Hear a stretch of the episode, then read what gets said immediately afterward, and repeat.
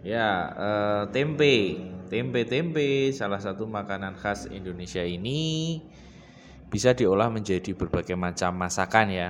Tempe di paling sederhana ya tempe goreng, ada tempe kemul, ada tempe mendoan, macam-macamnya terus ada oseng-oseng tempe. Wah, itu favorit ya guys. Jadi meski di negeri sendiri sangat identik sebagai makanan kelas bawah, namun tempe sudah banyak dikenal oleh para koki internasional. Salah seorang koki asing bernama Edward Quad pernah menyebut tempe sebagai idolanya dalam festival kuliner di Jakarta pada bulan Oktober 2012 lalu. Sedangkan di Jepang, ternyata tempe sudah sejak lama memikat masyarakatnya. Ya, jadi meskipun tempe itu sederhana, tapi mendunia, guys.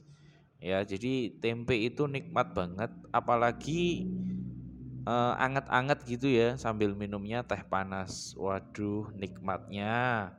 Les.